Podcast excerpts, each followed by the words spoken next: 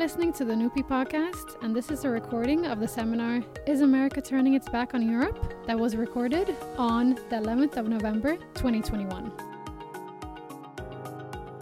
The participants are Rachel Ellehuus, Francois Heisbourg, and Rolf Tamnes. The moderator is head of NUPI's research group on security and defense, Karsten Friis.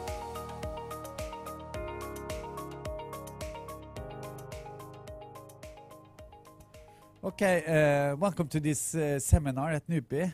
Uh, my name is Ulf Sverdrup. I'm the director of NUPI. It's a great pleasure to welcome you here all today. To those of you who have found or found your way to our premises, and of course also those of you who follow us digitally. Um, recent events, such as the evacuation from Afghanistan and AUKUS and the secret negotiations over Australia's new submarines at the expense of French industry and French uh, policy, I would say, have frustrated uh, many Europeans and showed somehow that the US, at least occasionally, is still pursuing an America first policy. Uh, the tabloid version was that Biden would change this policy of Trump, and also that maybe that has not happened. Uh, more important than this rather provocative title that we have put on this seminar, Is America Turning Its Back on Europe? Is, is this your, perhaps we should reflect a bit on the changing nature of US policy towards Europe. As I see it, there are at least two very important drivers that we in Europe have to think about. The first is related to US domestic politics and policy. It's a deeply polarized country and uh, the new Biden administration is putting a lot of emphasis on pursuing a policy that meets the interest of the US middle class. And this, I think, has huge implication for uh, US foreign policy and also how Europe should relate to it. The second change uh, in the US policy, of course, the changing of priorities and attention, uh, where everything is moving towards China Uh, that's the number one priority, not only in security and defense, but also in research policy, in competition policy, and almost all aspects of the policy. And as a consequence of this policy of strategic rivalry with China, the US is redirecting its attention and capacities slightly also away from Europe then. So at this seminar, we will ask whether the US is turning its back on Europe or rather how it is changing its policy towards Europe. We'll also reflect, I think, on how Europe should respond and react to this, uh, partly by how, how to make the transatlantic relationship relevant uh, and important as we go along based on these two initial preconditions on the changing domestic policy and priority in the US and also the changing priorities in its foreign policy and also oh, how to see how Europeans will make themselves ready to cope with some of the tasks if there will be a division of labor of some sort between the US and Europe. Now, uh, to discuss these issues, we have an excellent panel. Uh, and just fantastic to have Rachel Ellehuus uh, from uh, CSIS in the US, uh, leading scholar and thinking, uh, thinker on, on US policy towards Europe. In addition to that, we have Francois uh, Heisbourg from uh, IISS, uh, currently. a legend in French strategic thinking. And then we have also with us Rolf Tamnes, professor in history, used to be at the Institute for Defense Studies, but is now here a colleague at uh, at NUPI. And uh, as the moderator, we will have uh, Karsten Friis, who's leading or heading our security and defense group. So this seminar then is organized in the following way. First, uh, uh, each of the speakers will have uh, 15 minutes from the podium to address some of the issues. Uh, and then uh, uh, that will be in turn, the three of them. And then afterwards, they will be seated up here for a conversation. and that will be moderated by Karsten. So on that note, I just uh, thank you to all of you for uh, for joining in on uh, what I think is a really important uh, seminar and a really important discussion. So uh, please, Rachel, great to have you here uh, at NUPI, and the floor is yours.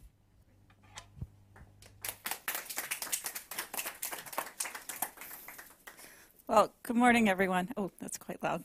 Um, thanks for making the time in person and online, and it's nice to see some familiar faces in the crowd and, and to be here in, in Oslo. This is my first international trip since February 2020 when I went to the Munich Security Conference, which in retrospect was, was probably not a great idea, but uh, we survived, and I know many of you were there as well. So it's, it's great to be here again. Um, there's so much value in having sort of three national perspectives on one issue. I think that's what we've really missed during the pandemic is, is you know, looking at all these things that have happened, Afghanistan, AUKUS, um, you know, the election and, and really comparing notes. So I'm really happy to be here. Um, you know, these questions are quite daunting because there's really, you know, I'm, I'm, is America turning its back on Europe? I mean, that's quite, quite a sort of, you know, headline catcher. So I'll, I'll do my best to sort of explain a little bit about what's going on, and Ulf did a good job about, um, you know, getting us into that. So, you know, I think sort of bottom line up front is, I think the answer is no. America is not turning its back on Europe, um, but as you said, there is a changing nature of this relationship. Um, in the first instance, there are there's the fact that the U.S. has more competing interests and priorities, and you already alluded to the domestic agenda and the renewed attention to the Indo Pacific. I think a lot of people forget, particularly even Americans who live on the East Coast, that the U.S. is a Pacific power. And you feel that when you go to California and Seattle and even Texas. Um, so it's not unnatural, but it does. That combination of the pull of domestic interests and the, and the f- renewed focus on the Indo Pacific is taking more resources and attention in terms of U.S. foreign and security policy. Another thing that, that's sort of appearing now is constrained resources. I was just looking at the Pentagon's defense budget for 2020, and yes, it looks enormous, but it is flat in real terms. So there's no increase um, in the defense budget, and in fact, you know, the flexibility within that budget to make hard choices and to reorient towards either a domestic agenda or the Indo Pacific, that maneuver room is very small. So there are really tough choices between improving readiness um, and, and meeting our commitments in Europe and modernizing the force. I'll talk about that later. And then at the same time, I think we've seen an evolution in Europe's own abilities. The capabilities that Europe and the EU in particular have to bring to bear on transnational challenges, for example, are much more relevant. And so I think what we're looking at is a need to recalibrate this transatlantic relationship and make space for more European defense and this, this better balance in the relationship as the U.S. does refocus and Europe steps up. And I think the, the recent meeting between President Biden and, and Macron wa- was really illustrative of how the, this relationship could recalibrate. Um, just quickly to go through those areas, you know, Biden promised um, they agreed to continued U.S. support for French operations in the Sahel. So this idea that you know France has something that's a priority for France and for Europe, and the U.S. can sort of it's a negative term, but lead from behind, but be supportive of our European allies as they take the lead on a challenge that affects us all, but affects them a bit more. The second aspect, um, I was a little surprised that you know the U.S. offered to support European allies who wanted to be part of a presence in the Indo-Pacific. They don't spell out the details, but the idea um, is clear that the U.S. wants Europeans to be engaged in the Indo-Pacific as well. Um, you know, really strong words on support for a stronger European defense capability, and in particular, a transatlantic defense industry. I think that's really important. Um, sometimes the rhetoric on both sides of the Atlantic can point to a bifurcation in the transatlantic defense industry. Um, and those who watch this closely know that that industry is already very transatlantic. Supply chains are already very transatlantic. So that suggestion is, is not going to play out in reality. So this idea of a U.S. French dialogue on defense industrial issues, export controls, and whatnot, I think is another area that shows how we might be recalibrating this relationship. Um, you know, is this a continuation of America First? This is sort of a favorite question of, of journalists in the U.S. And I think no. Um, you know, if I, I, I was in the Department of Defense for the first two years of the Trump administration as a civil servant. So I and I started there under the last years of Rumsfeld. So I've been through a couple of iterations of Democratic and Republican administrations, and I will say it was striking under under the Trump administration the degree of unilateralism, unilateralism and little consultation with allies to the degree that it sometimes undermined U.S. national security interests. So I think we've really moved far away from that. Um, there are instances where it does look like the U.S. is pursuing its national interests, sometimes at odds with or at the expense of allies and partners. But, you know, that's because it's in the U.S. national interest. And I would argue strongly that most countries, in fact, preference their national interests. Recent examples would be Germany and Nord Stream 2. That's against the EU Third Energy Directive and plans to diversify energy sources in Europe. It upset a subset of EU and NATO allies and partners.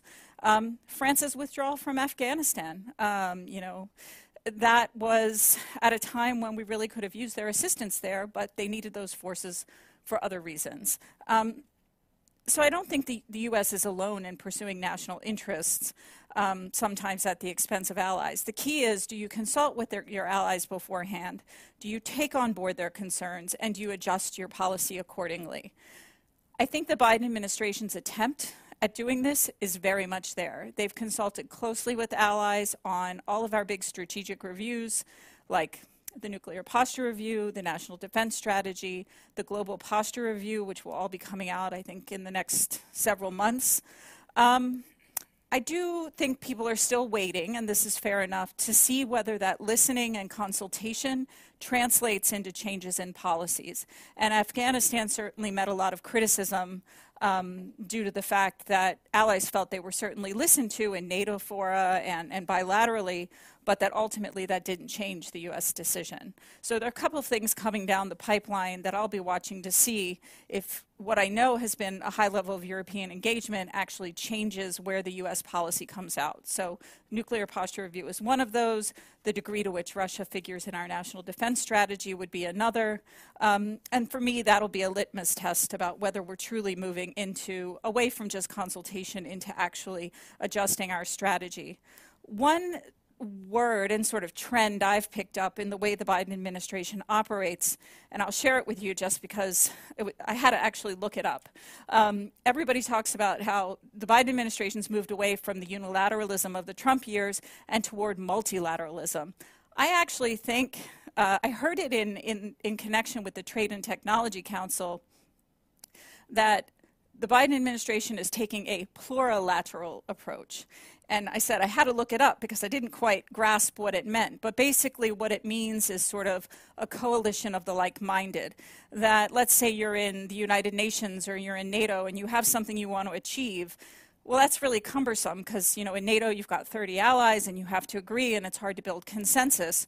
So, you know, the middle ground between unilateralism and multilateralism is to work with a subset of allies for whom that particular issue is first and foremost. So that might be working with the P3 on, on nuclear issues and building a consensus, working with you know, the UK, France, and Germany on Russia, and then moving that into um, a bigger forum. The, the idea being that at the very outset, we don't need to start at 30 and water down the strength of that decision or that policy just for the sake of multilateralism. So I think that's pretty unique, this idea of a plurilateral approach and building consensus. And for, you know, smaller allies like Norway, I think that means you have to be better at articulating your core interests, working with your immediate neighbors to make sure that, you know, you're being heard in these plurilateral fora because the, the you know, the temptation will be to go to the usual su suspects, UK, France, Germany,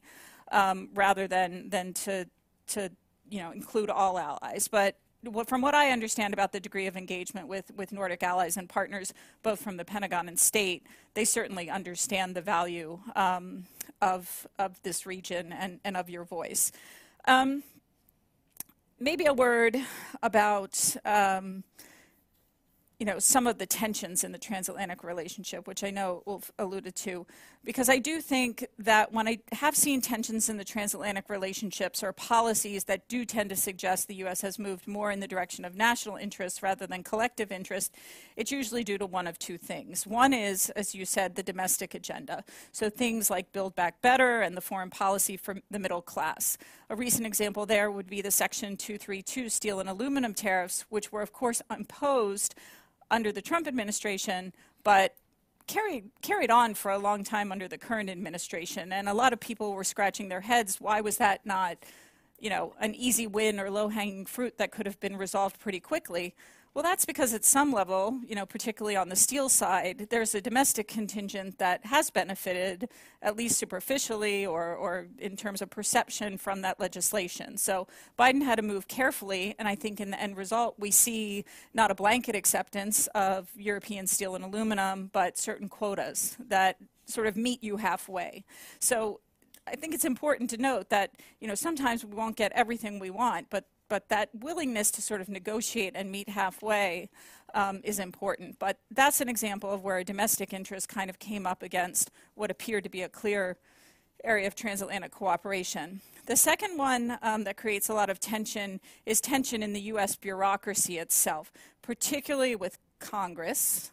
Um, Congress is very you know, they don't agree on a lot, but there are a handful of issues where there's bipartisan, bipartisan consensus.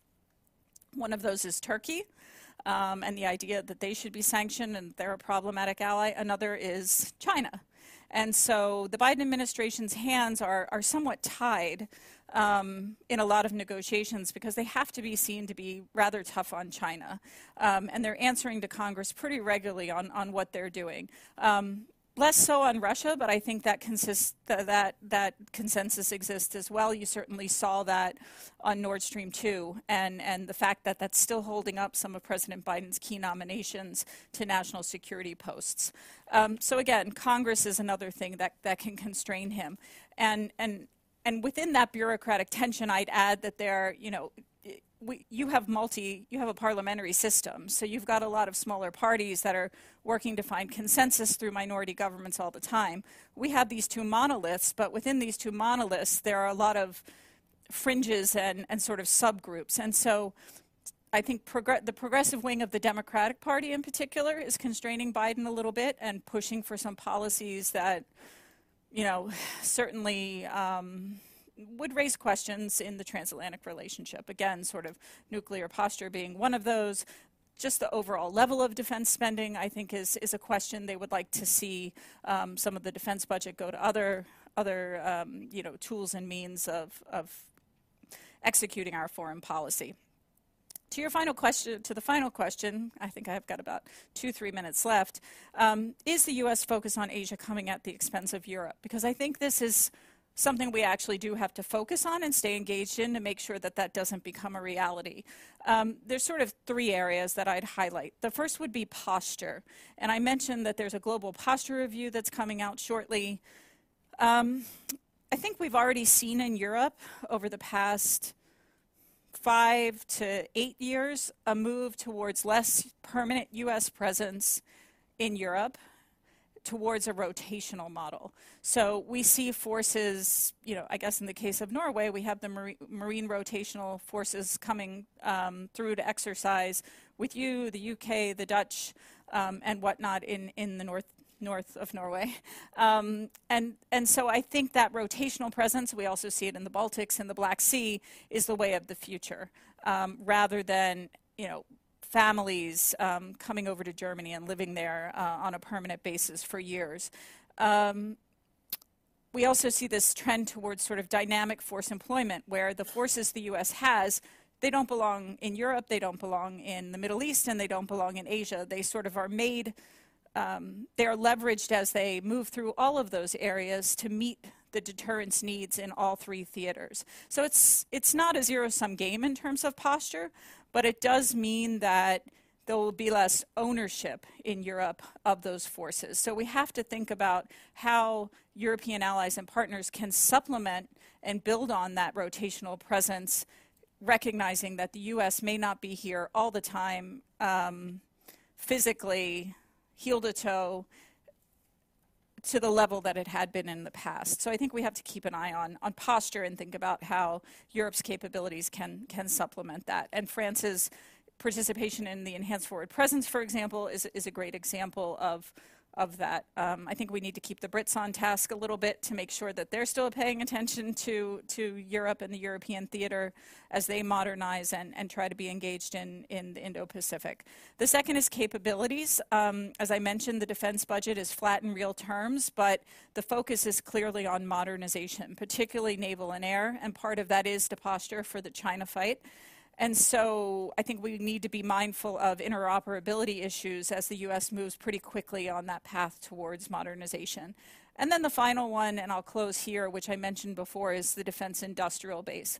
Um, you know, we, you've heard a lot of talk about, you know, China, the U.S. and Europe cooperating on resilience, on harmonizing the rules around emerging technology, um, keeping an eye on Russia-China cooperation. I think the only way this this this sort of united front to, to counter those more negative practices um, by China happens is if the U.S. and the EU or the U.S. and Europe are, are really presenting this united front, particularly uh, in terms of defense industrial base, including a lot of dual use capabilities. So those are kind of the three areas that I would focus on to make sure that we're not getting a yes answer to this question of if the U.S. focus on Asia is coming at the expense of Europe. Um, and with that, I think it's Francois' turn to tell me everything I've said is is incorrect and he has a different view. Thanks. uh, no, the, what you said is not incorrect, to, to, put it in the shortest possible way. Uh, but the uh, angles of approach uh, can differ. My, my, my, angle is going to be uh, more uh, embedded in time and as well as in space. Uh, there is great continuity in American policy over the last uh, 12, 13 years. And, you know, if you forget that you had a president in the States called Bush Jr., president called Obama, president called Trump, president called Biden, uh, if you didn't know the, if you didn't know this, you know, and you came from Mars, what would you notice?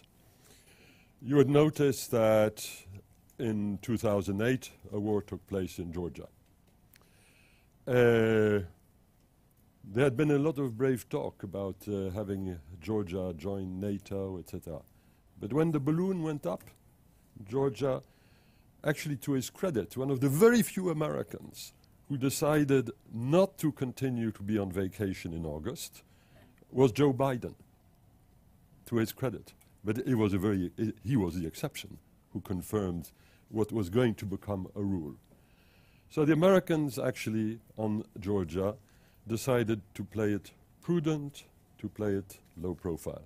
That may have been very wise, but it is a fact. Then in 2011, and uh, Central Europeans could actually say uh, 2009, the anniversary of the Soviet entry into Poland, which was chosen as uh, uh, as the date uh, for some American announcements concerning possible agreements, which didn't happen with, with Russia on air defense and ABM. But 2011, you mentioned leading from behind. Well, leading from behind was not a stated policy. It was something which came from uh, some bright staffer at the White House who, who thought that this was a clever way to explain what Obama was, was doing at the time of the Libya campaign. Uh, but the signal was heard loud and clear, at least in our part of Europe. Uh, but still, this was something for the nerds. Then we had 2013, the red line crisis. Now that was big. Uh, the United States created a strategic vacuum. And as we all know, and it's true for strategy as in other areas, nature abhors a vacuum. And Russia filled the vacuum quite effectively, it must be said. Uh, and in the following years, stuff happened. 2014, uh, Crimea, uh, the militarization of the islands in the South China Sea. I don't know whether there is a relationship with the Red Line crisis. The archives will remain closed for still a number of years, I guess. But, uh, you know, as they would have said in the Soviet Union, dear comrades, it's not by chance that these things may have happened at the time when they happened. And then, of course, yes, Ukraine. Uh, NATO gave a coordinated, coherent, and I would argue quite appropriate response. Uh, but, you know, this stuff happened in February, March, April, beginning of the war in the Donbass, and so on. And in June, Obama hands over the political responsibility for the handling of the Ukraine crisis to the Europeans. Europeans didn't complain, but it was quite interesting. The Normandy format didn't work too well. Uh, but this is a different world in which we have entered. And now, you know, in the Mediterranean, which is a quite important body of water, you only have a few hundred million people who live on both banks of the, of the sea. The US is no longer a lead power. The power which could adjudicate between the competing claims, notably of Greece and Turkey, like in 1974, when the Greeks and the Turks started shooting at each other in Cyprus, the Americans came and said, Stop it! No more spare parts for the Turkish Air Force. Story was over within 24 hours. Talk about integrated value chains. Uh, uh, that's not the way the European defense, the American defense industry is necessarily seen on the other side of the water. But in this case, it was for a good cause. Uh, the United States is no longer able or willing, I don't, know, I don't know which word is the most important one here, to do that. So what happens? What is the outcome of all the I mentioned? And where, first of all, where did it come from? It, it came from, of course, from the experience of failure in Iraq. You know, I don't think Georgia had anything to do with China. But the notion that you keep out of trouble, yes, that came from Iraq. Uh, and then, of course, we did get the rise of China, which was obvious at the time of the great financial crisis, 2008 2009. America had found a new peer competitor. Uh, so, what has that produced? It has produced, of course, a change of priorities. It's perfectly normal. The United States is rational. There's no. Uh, in all of that I've described, is there, uh, there's, there's nothing which I would personally uh, object to on the grounds of strategic rationality. Priorities changed. Priority is, in, is China as an actor and Indo-Pac as a space. That has changed. And it is necessarily, if resources are not unlimited, and we've just been told that they are limited, that means Europe, Europe is not as important and will not benefit from the same level of attention as had been the case previously. It's a fact of life. That's one outcome. The other outcome is that the United States, and this strangely enough was, uh, was true under Trump and not simply under Biden, America started playing smart. That is like a power which is challenged, which, no, which understands that it no longer has unlimited resources, and therefore tries to find ways to get other people to do some of the stuff that it had been doing previously. Uh, would Trump like to have done a war with Iran? I think the answer is yes. There certainly were lots of statements which tend to indicate that he would have loved it. He had two big opportunities to do so, where American interests, American partners, American assets had been hit by the Iranians, decided not to do it. What did he do? Well, he, he helped create a, I don't know, you know, some people say plurilateralism, some people talk about mini-lats. Uh, well, he created the Abraham Accords, getting the Sunnis and the Israelis to work together to cope with the Iranian beast without having to confront Iran directly. Is this smart? Yes, it is. Is this the sign of a rising power? No, it's the way a smart declining power operates. In Indo-Pac, the Quad, creation of the Quad, goes back a number of years. Is not particularly recent, actually. Uh, was it smart? Yes, it is. Try to get uh, India to be part of the picture and so on. Good, smart idea. And this continues nowadays. And of course, if you are no longer in a leadership position, you have to expect others to play a greater role. Some of those others I've described, but this is also true in Europe. Why did France conclude a mutual defense, a guarantee pact with Greece a few weeks ago? Because NATO simply cannot deal with the problem of Turkey. NATO cannot adjudicate disputes between its members. The United States, as a member of NATO, could adjudicate issues between other NATO member states. But as I said, this is over, at least in the Mediterranean, and I would argue more broadly in Europe. Uh, and so, once again, this is not necessarily bad, but it's definitely different, and it does mean that uh, the Europeans, in particular, are challenged to do things which they didn't need to do until now, either because the Americans pressed them to do them or because, for lack of Americans, we have to do them anyway. And this is what has happened last year when the Turks came out in force vis-à-vis the Greeks. Who showed up? Who showed up? The French. It worked, and it led to the current agreement. This is a very, very different world.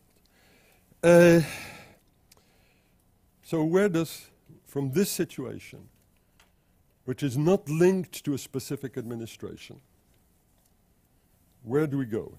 What happens next? Well, first of all, for the Europeans, we have a problem in space and we have a problem in time. In space, we have to deal with an immediate threat, the one next door, from Russia. Russia is a world power, it is not a superpower it also unfortunately happens to be our neighbor. And so we have to give it de facto priority in a way which is no longer the case to the same extent for the United States of America. The nuclear aspects continue to be important for the US, parity and so on, but otherwise, you know, honestly, Russia is pretty small beer compared to China if you are in Washington, but not if you are in Oslo or in other capitals of Europe. Uh, so we have to deal, and we of course have our Chinese friends, quote unquote, whom we have to deal with. And in time, of course, what we should not forget is that although there is great continuity between these various American presidents, each one has his own style and each has his own pro- proclivities apparently, but of course the Norwegians know more about this, I think, than anybody else. Apparently, President Trump seriously considered withdrawing from NATO. So we read that uh, Jens Stoltenberg played a key role in dissuading him from doing that. Now, that is not continuity. That is rupture, as the French would put it. Rupture stratégique, to use one of our expressions. Uh, who will run the United States in two years' time? Will anybody run the United States after the midterm elections next year? And when I mean anybody, I mean anybody. Will anybody run it? A man who appears to be five years older than he's already a, a considerable age? Kamala Harris, and the prospect of Trump 2 in 2024. If you're European, you're going to hedge. You're going to hedge big time. And hedging means two things. First, it actually means spending more money. And this is where the American and the European interest converge. The Americans want us to spend more money. Yeah, it's a very good idea. uh, we have to spend more money because we simply don't know what the Americans are going to do next or not do next. Strategic autonomy costs money. And secondly, you actually do need to act on the assumption that the Americans are not always going to be there when we need them and where we need them. This was said very clearly a few minutes ago. I agree with that. That helps explain why President Biden has been, uh, I think, very receptive in his dialogue with uh, Macron over the last few weeks. This is the silver lining of AUKUS, if I can put it that way. It actually has forced the Americans and the, and the French to think very hard about where we go, where we go next. Uh, so what do we do? There are two basic tracks. One is the track of hard choices, and the other is the track of really hard choices. Track of hard choices, which is the one which I prefer, is having to find a new balance between three items, uh, which are very diff- which play out very differently than they did in the time of the Cold War, because China is a different challenge from the challenge of the Soviet Union. Uh, a is, of course, the new terms of burden sharing. Just mentioned that, the money in particular, but also picking up where the Americans are found wanting, like in the Mediterranean. Uh, secondly, we have to find new uh, role sharing. You mentioned the EU US Council. This is Im- Im- immensely important. The battlefield of technology, investment, trade is a key battlefield of the confrontation between the West and China. And agreeing on that, as we did in Pittsburgh, on the 29th of September, six days after AUKUS was revealed, and after a period of a few days in which there was a very great temptation to scrap the meeting. It was the first meeting of its kind. That nearly happened too. That's actually worth a lot more than eight submarines for Australia. That's a much bigger, that's a much bigger piece of the action.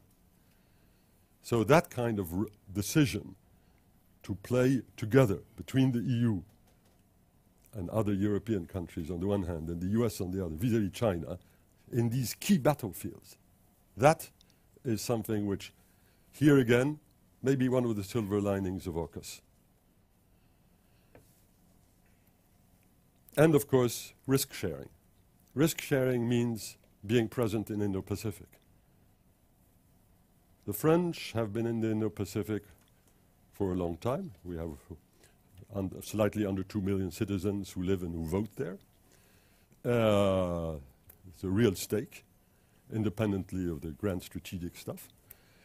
Uh, and moving away from our official freshly minted Indo-Pacific strategy, which we devised in 2018, was actually not an option.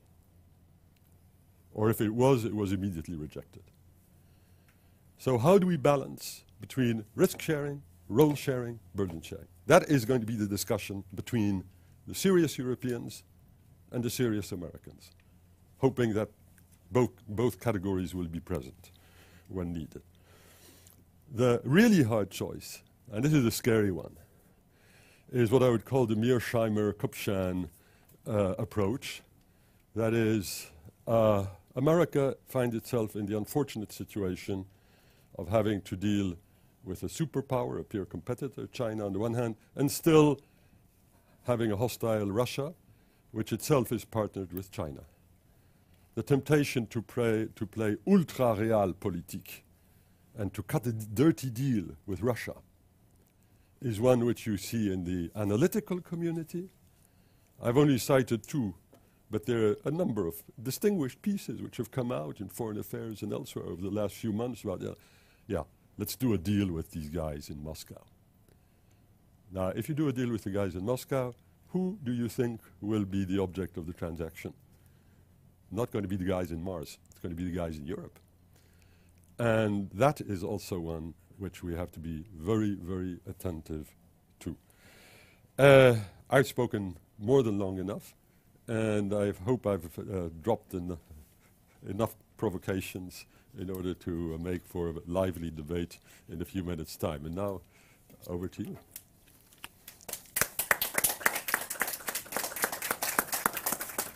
And by the way, it's great to be in Norway. It's great to travel. It's great to see you guys.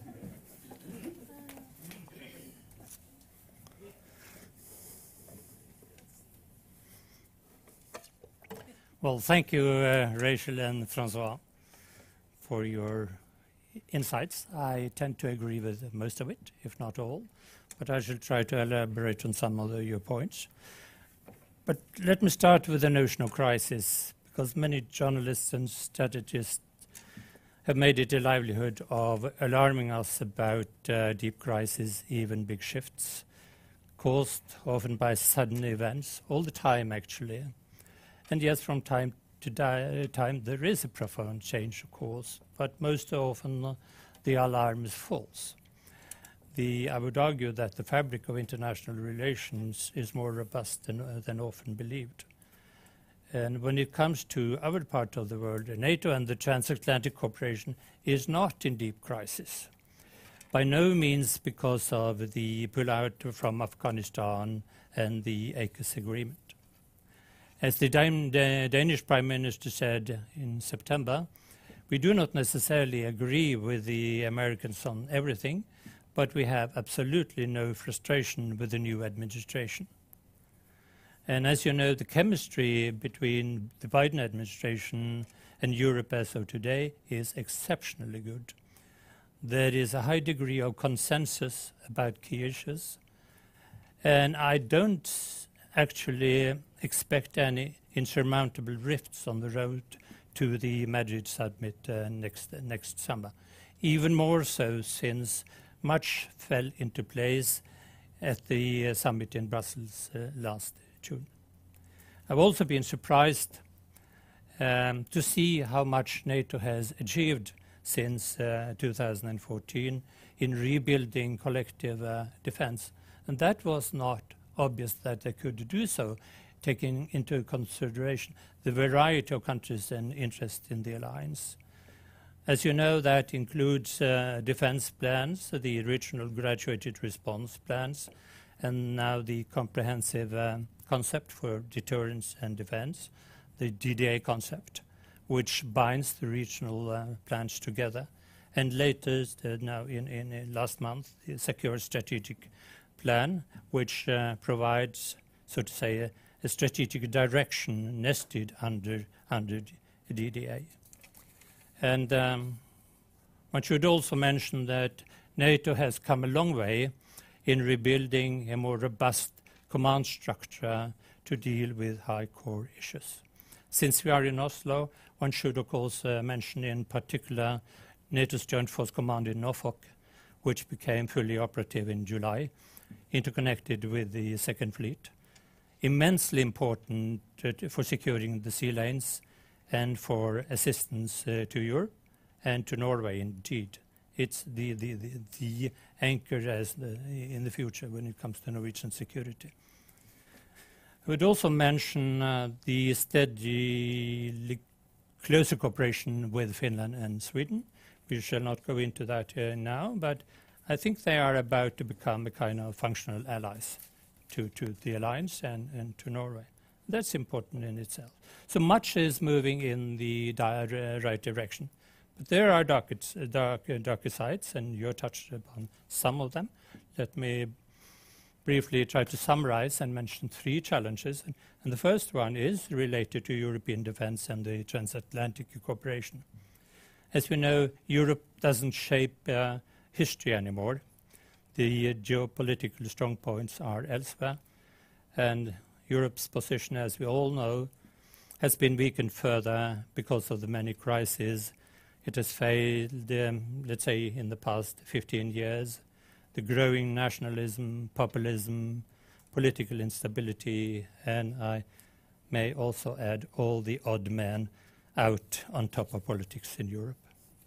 That being said, one tends, I think, to underestimate Europe and European pragmatism. Crises are dealt with, although it makes uh, take some time and many compromises, but the European Union and coalition of countries in Europe are able to handle crisis uh, over time. And some achievements are impressive. Let me just mention the EU Green Deal, which is quite, um, impressive how Europe and the European Union here has set a path for the future, and it will have global implications. I would also emphasize that the Union and Germany, of course, in particular, are immensely important in bringing security to Europe in the broadest sense, far beyond defense and things like that, the glue providing security and stability. And I'm quite sure that the uh, strategic compass, which will be released in March, I think, uh, we will see progress in a number of fields, making the Union far more fit for operating more independently in higher end conflicts as well. And if I should mention one aspect of it, it should be uh, developing more robust uh, combat forces, especially uh, the battle groups, which have now been um, deployed. There might be a possibility for, for making that somewhat more realistic in the future, I suppose. But the baseline here is that a stronger Europe, European defense, will be highly welcomed in most countries as long as it is compatible with transatlantic cooperation. And it is compatible. The Union will not basically infringe on NATO's key functions. Most countries in Europe are not ready to pay what it will cost to do so.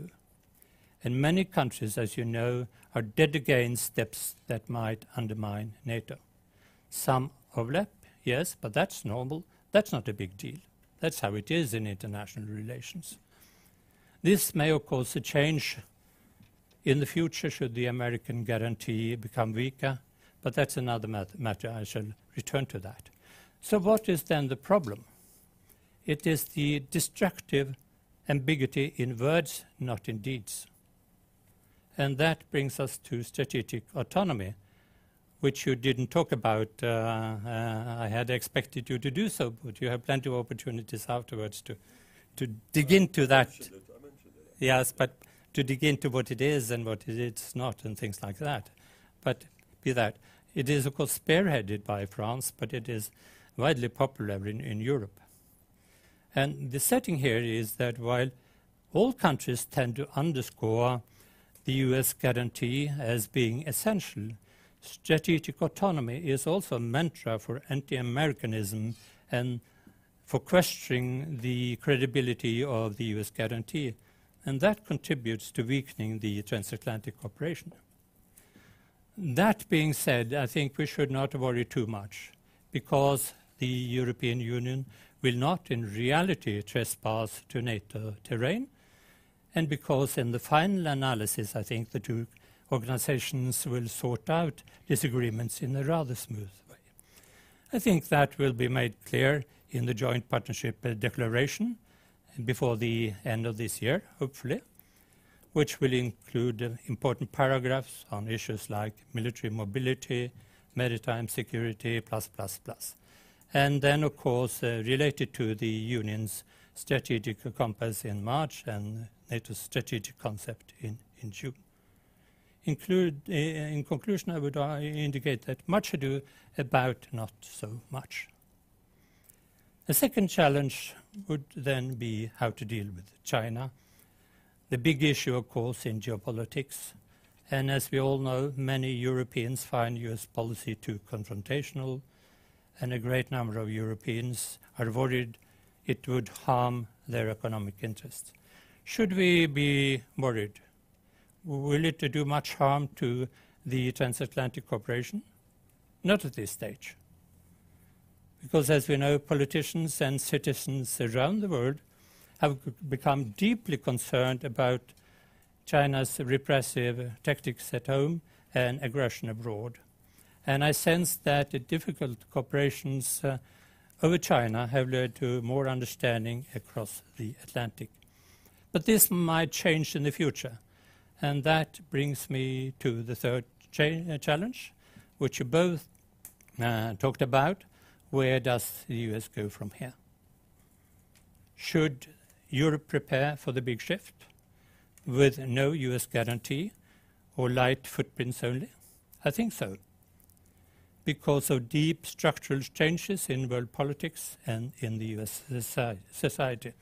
One is, of course, tempted to say that Europe has time to adjust to these fundamental uh, changes. But there is an elephant in the room. Many of you have read uh, Robert Kagan.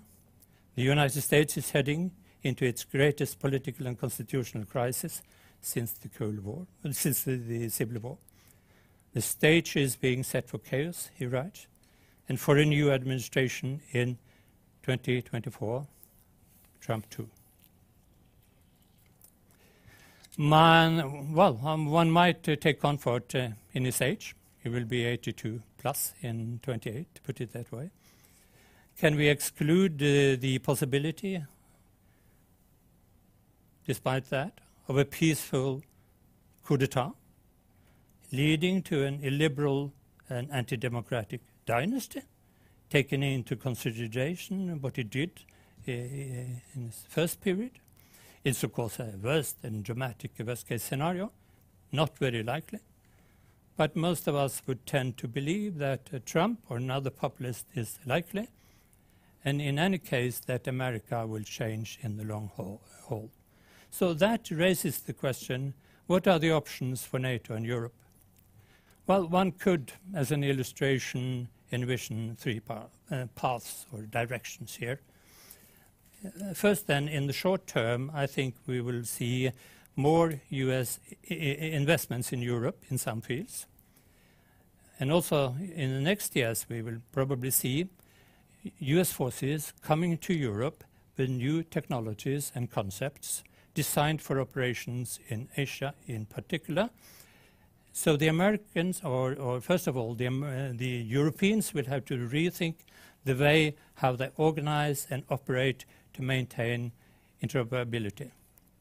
It sounds rather uncomplicated, but it's a huge challenge.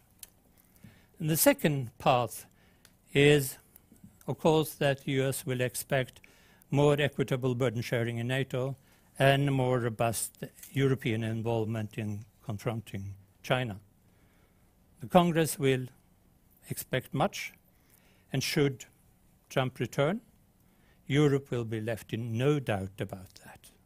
We know that for sure, basically.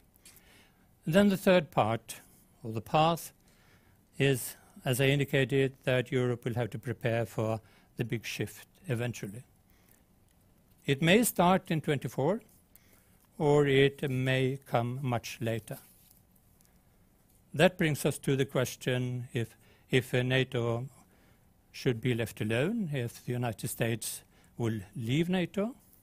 Well, as uh, was touched upon by you. We all remember the dramatic summit in 2018. Let us, for the sake of simplicity, leave aside the Congress, which of course has a strong voice in questions like this. Uh, this. But as a starting point, I, I think that we should assume that the US will not disengage. It will not turn its back on Europe. The question is how the US will safeguard its interest in Europe and how it will institutionalize this engagement.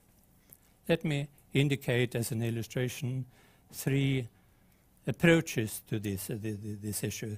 The first one would the US go for a French option anno 1966, that is, leaving the military structure? Would the US base its presence on its parallel national structure, notably the European Command, uh, in, in, Stuttgart and, and, and, the Second Fleet in Norfolk. I sense that some countries in Europe might consider this structure far more interesting than a weakened NATO should it survive. The third question is then would the US build a web of bilateral ties nested together and sign agreements with countries like Poland, Norway, and Iceland. I think uh, the United States will be anxious to cooperate closely with a country such as Norway in order to watch and target Russian strategic uh, capabilities and movements in and from the north. But this could, at least in theory, be done without entering into a fully fledged defense treaty. Just to give some illustrations of scenarios ahead, speculations, playing with ideas and options, is one of the few privileges we have as scholars. So, based on this, the next episode on the rise and fall could then be how Europe and Norway should deal with these scenarios. To recalibrate, as Rachel said, to hedge, as Francois said. So stay tuned. Thank you very much.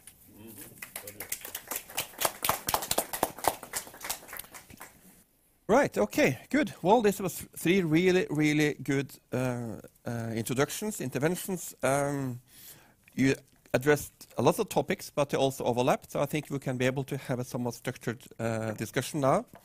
Um, so let's start with the overarching question: is will, uh, will U.S. turn its back on Europe? I guess you all agree. Uh, the, the answer is no. However, there's change. the change started early on. Um, or it has been, you know, more dramatic later, or we can discuss that, but there is a change, right? So there's a, continu con the continu a continuation of this engagement or less interest, if I want to follow you, Francois, or there's uh, there's a this uh, uh, find the right word, uh, Rachel, that you use. A changing nature of relationship, uh, you said, uh, Rachel. So let's start with you, you Rachel. Um, you heard the others here. Um, I will kind of let you, if you want to comment on, on some of what the others said, but let, still let me let me start with a with this. You, you said that it's not uh, not going to be America first continuation. Um, there is there is uh, you know there's national interests, but it's not America first. Now these are gradual things. This is not you know either or. So the question is if the, the key question here is if the national interest of the U.S is increasingly diverging from the Europeans. Right? That is a little bit what you're thinking, talking about here. Is the US more concerned with China than we are? And, and kind of have to spend limited resources. You said the defense budget stay the same, more or less. That, that, that the logical implication, is to follow uh, both, both Rolf and, and Francois on that, is that over time there will be less here. So maybe you can reflect a little bit further on that, uh, Rachel, to begin with. Where, where, you know, when, when, when the priorities come tough, it will be Asia, and, and then we're back to the kind of zero-sum question. What's, what's your reflection on this?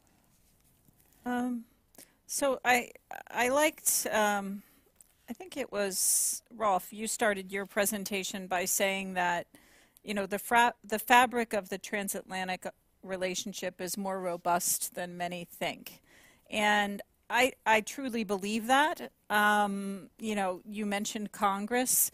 I, I, think the majority of, of people in the U.S., not just in Congress, but in, in, in the general public, were mortified when Trump suggested that the U.S. commitment to NATO wasn't steadfast and that we might withdraw and that was another thing that has, bipartisan agreement. So I think even in the U.S., despite our our crazy politics and and these unfortunate trends of sort of nationalism and is- isolationism, which also exist in Europe, by the way, um, I'm not too worried about about that fabric. I'd also argue that NATO is squarely in the U.S. interest. Look no further than the number of European countries who buy U.S. kit.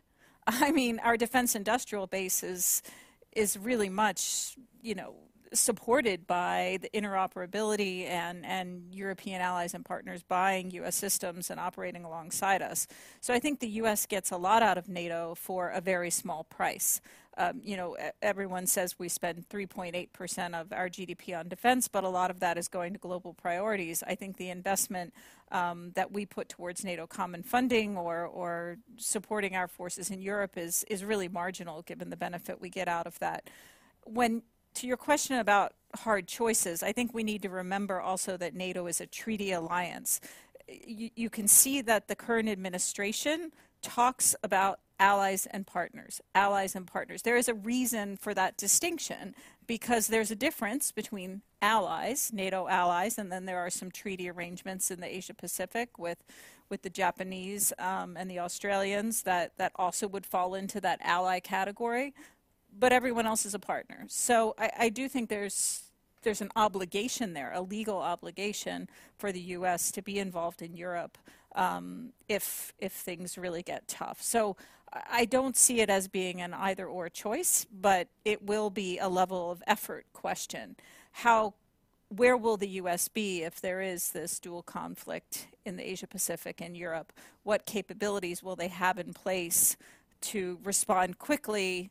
Versus to what extent will they have to rely on Europeans to be first responders. So if I were sitting on, you know, if I were a planner on this side of the Atlantic, those are the questions that I'd be asking U.S. counterparts is, you know, what do you expect me to do if in the worst case you are over in Asia and you have limited capabilities to, to bear? So I don't see it as zero sum, but rather Europe really does need to step up. Um, Francois, you didn't mention sort of, you mentioned Russia and you mentioned China, but not so much Europe's near abroad. I think that's, that's for me, that's an area where Europe really. You mean Turkey? I do not mean Turkey, and I actually Okay, have. that's why I I have a lot of. I actually have a lot of. We can hopefully we'll get to that because I sort of disagree with the assessment on, on Turkey and and the benefit of the mutual defense agreement vis-a-vis NATO. But no, I'm actually talking about the Balkans. You know, uh, Ukraine, Georgia. Those are Europe's responsibilities in the first instance, and those are areas where arguably EU capabilities whether military or otherwise, are actually well positioned. Uh, I think we've got a political will problem in that regard at, at, both a NATO level and an EU level.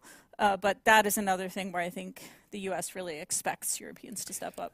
But, but you also uh, brought up this term plur plurilateral, Mm-hmm.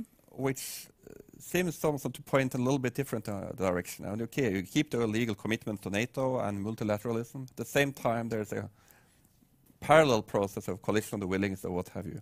So how do we square that? I think ideally the plurilateral, plurilateralism builds towards multilateralism, right? It creates that consensus among the subset of allies that have that comparative interest, and then you, you, you sort of sell that to the broader group. But there is this imperative to prove to all of our publics that multilateralism is the better course than unilateralism. Sometimes I worry about that, that, you know, the Trump administration actually did get some results in terms of defen increasing defense spending with their, you know, strong-armed approach. So we have to, it's incumbent on all of us who believe in multilateralism to prove that it actually can produce better results. Yeah, Francois, um, you also talked about the continuation uh, since, since Georgia, basically. Uh, but it's a continuation of, let's say, declining power. Um, and the bottom line is that Europe must do more, has to hedge, uh, you know, find ways. Uh, and and Rolf kind of followed suit on that and said that, like, um, man, that that makes sense. We it to do that, and there's really no interest in undermining NATO. Still, there is deep concerns, and there is concerns that there, are these you know, within Europe, that, that some of the initiatives on Europe uh, that Europe is taking these days will undermine NATO eventually. There is concern in the United States about strategic autonomy, if that's a negative connotation or a positive connotation, as it were.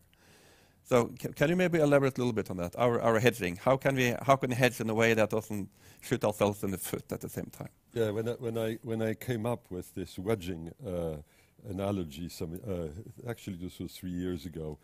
Uh, I, added a companion analogy, which was when does a wedge become, when does a hedge become a wedge? You want to avoid that happening, obviously. But I must say I was very impressed when I was listening to Rolf because at one stage I, I felt like I was going to disagree violently when he said, well, you know, you must not question the US guarantee because this is anti-Americanism. This is in substance what I understood you to say. And then later on, you said stuff which, I, I mean, even the most ultra Gaullist Frenchman would not have dared say like, well, maybe the Americans uh, sometime uh, after 2024 uh, will do a 1966 US uh, version of the French withdrawal from the military structure, uh, or uh, they may go full bore for bilaterals negotiated on the basis of EUCOM. I actually agree that these are, these are real risks, and because they are real risks, they explain the, the great sensitivity in those countries of Europe which take nuclear weapons seriously. There are not many of them who take it seriously. They, they, they, they, don't want to think too hard about these terrible weapons because they are terrible weapons. But the debate in Washington now about sole purpose, for example, in the framework of the Nuclear Posture Review, the nervousness about that is a sign exactly of the sort of questioning uh, that, you, that you mentioned. I, I add just to be quite clear on the uh, uh, on the flavor of the discussion, I can put it that way. Uh, I, I, did not and do not want to use the decline word. Uh, I'm not sure the United States is a declining power. It may become a declining power, notably if you have uh, political change uh, which leads the U.S. away from its democratic constitutional choices. Uh, but for the moment, it's not a declining power. Not, that's not true. It is a power which finds itself challenged to fulfill a number of roles in a world where you have a larger number of powers whose power has increased. It's the rise of China, not the decline of the US, so I can put it that way. So one has to, has, one has to be clear about that.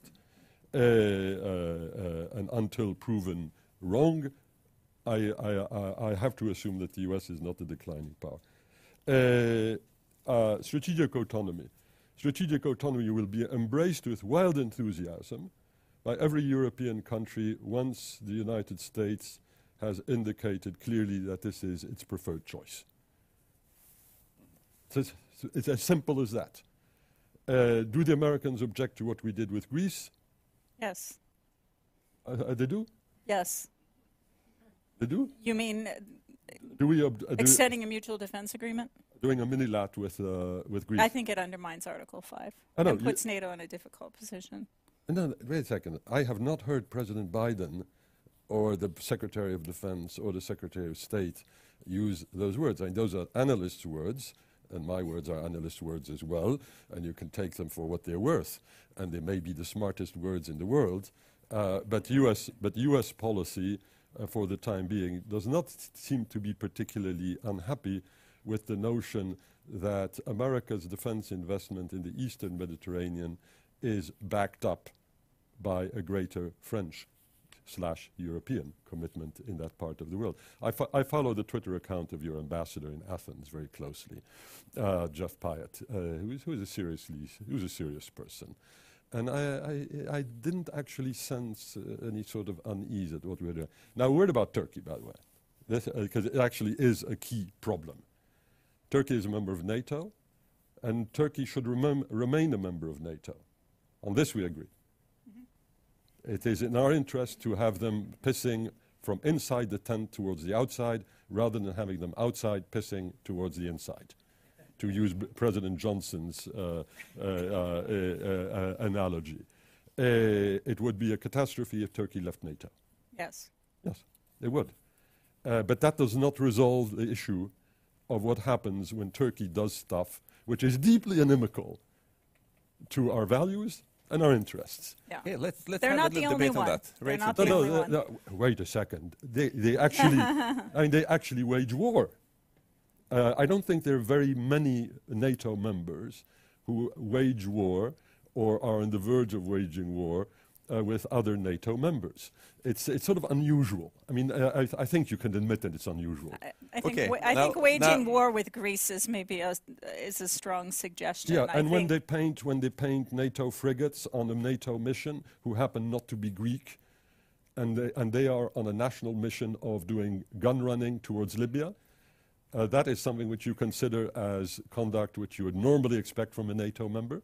Okay, Francois, now let Rachel reply. This, this, and then we will so you, on I that mean, debate. You are making my case for strategic autonomy. Let's hear your, your response on that. Well, I mean, I don't want to make this a conversation uh, about Turkey, but it is a conversation about how allies should deal with other problematic allies. And I don't think the, the answer is to be unsatisfied with the way NATO has dealt with Turkey and then provide bilateral mutual security guarantees, which, if they played out in reality, would bring the alliance down. I mean, is France really saying that if Greece and Turkey got into a spat, it would take the side of Greece and would be able to handle that militarily alone?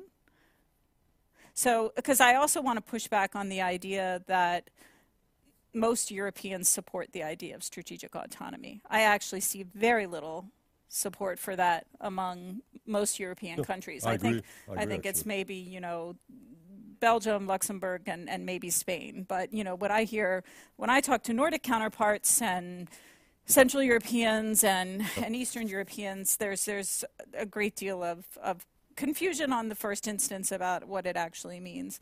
Um, but, you know, I mean, I just think that if, if we're talking about how we deal with Turkey and, you know, some of the examples you mentioned, like Libya, I mean, I actually, I'm sorry to say, I actually think that, again, Turkey sort of the way they went about it might have been wrong, but they really changed the dynamic there with regard to Russian involvement in Libya. And there are a lot of U.S. policymakers that were actually grateful for Turkey's intervention in Libya and to some extent um, their actions in, in Ukraine to push back on, on Russia. So when we talk about hedging, they are hedging like crazy Yeah. in their relationship with Russia and, and with NATO. And I think we to, to steal your words, we don't want to create that wedge, and and I worry that something like the MDA with Greece does um, does start to create that wedge. Okay, two words on strategic autonomy because and now because before I do it so because in my interpretation is that we don't know what it is. That's why we're concerned about it. Uh, if you know, and I think that's your point as well. If the moment the United States agrees with it, then we also the whole Eastern Europe will also kind of accept the term. Is First that- of, all, first of all, I actually agree with you, n- and not with what others said about strategic autonomy. That is, no, it's not a popular idea. Yeah. It's not a popular idea in most, in most European countries, either because they are deathly afraid of losing American goodwill. That's Central and Eastern Europe, which is why I say that the day when the Americans say strategic autonomy is a great idea, uh, they will fall in line without any problem. And then you have the others, most of the others, uh, who don't like the implications of strategic autonomy because strategic autonomy, uh, in order to have any sort of content, however you define it, it costs money and implies responsibility. You mentioned how difficult it would be to face Turkey uh, with, with the Greek thing. You're absolutely right. You don't, you don't do this on a shoestring budget, quite obviously. And here we have one little piece of good news. Because we haven't been given a lot of good news today. uh, uh, defense budgets continue in most of the important countries uh, to be on the upswing, despite COVID. You see it in Britain, you see it in France, you see it in Germany. Come on. I don't know. Britain only did 4.5%, France only did 2 point, plus 2.5%, uh, and Germany, as a, uh, which starts from a very low base, as we all know, uh, it continues its determined effort uh, to increase uh, defense spending. So, what many analysts had foreseen at the beginning of the pandemic has, for the time being, touch wood, actually not happened. That is, uh, that the, the defense spending has continued to rise along the lines which we had seen after the 2014 2% uh, commitment, uh, the line which began before President Trump came into power and which continues after President Trump has left power. Okay, great. I, I would like to bring in uh, Rolf, and then uh, we'll also bring in questions from the audience. Uh, but Rolf, you're a historian. You've been listening to your colleagues discussing you in intra-European affairs uh, and Turkey. And you were rather optimistic uh, when it comes to European resolve, actually. Um, what's your take on this? I mean, there is we are very good at infighting in Europe. Uh, how how uh, and do you think then when when let's say when the realities become more depressing or, or, or uncertain, that, that Europe will actually get its act together. I don't know. That's the starting point. Second is, of course, that um, the European Defence uh, Cooperation is moving all the time.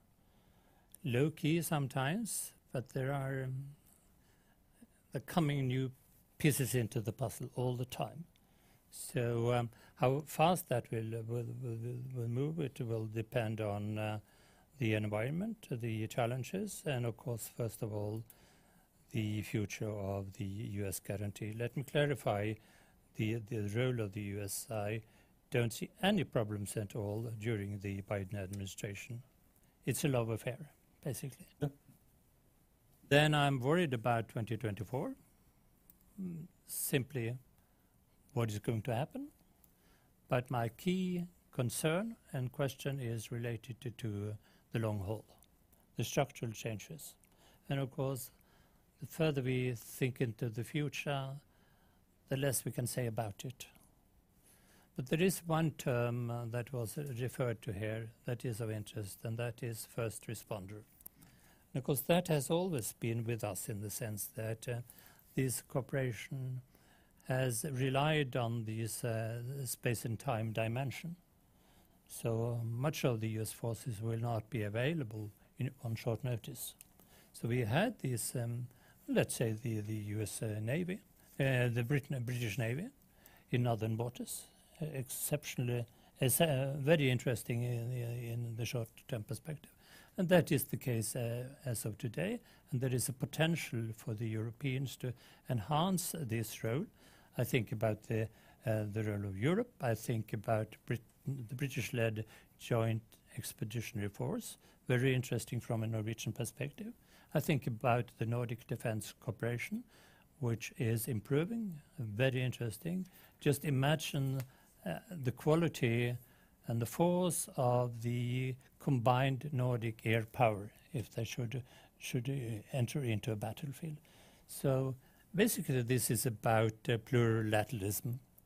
It is about coalition of willing and able within the uh, alliance, and we have always had that pattern. But it might be that it should be emphasized strongly in the future.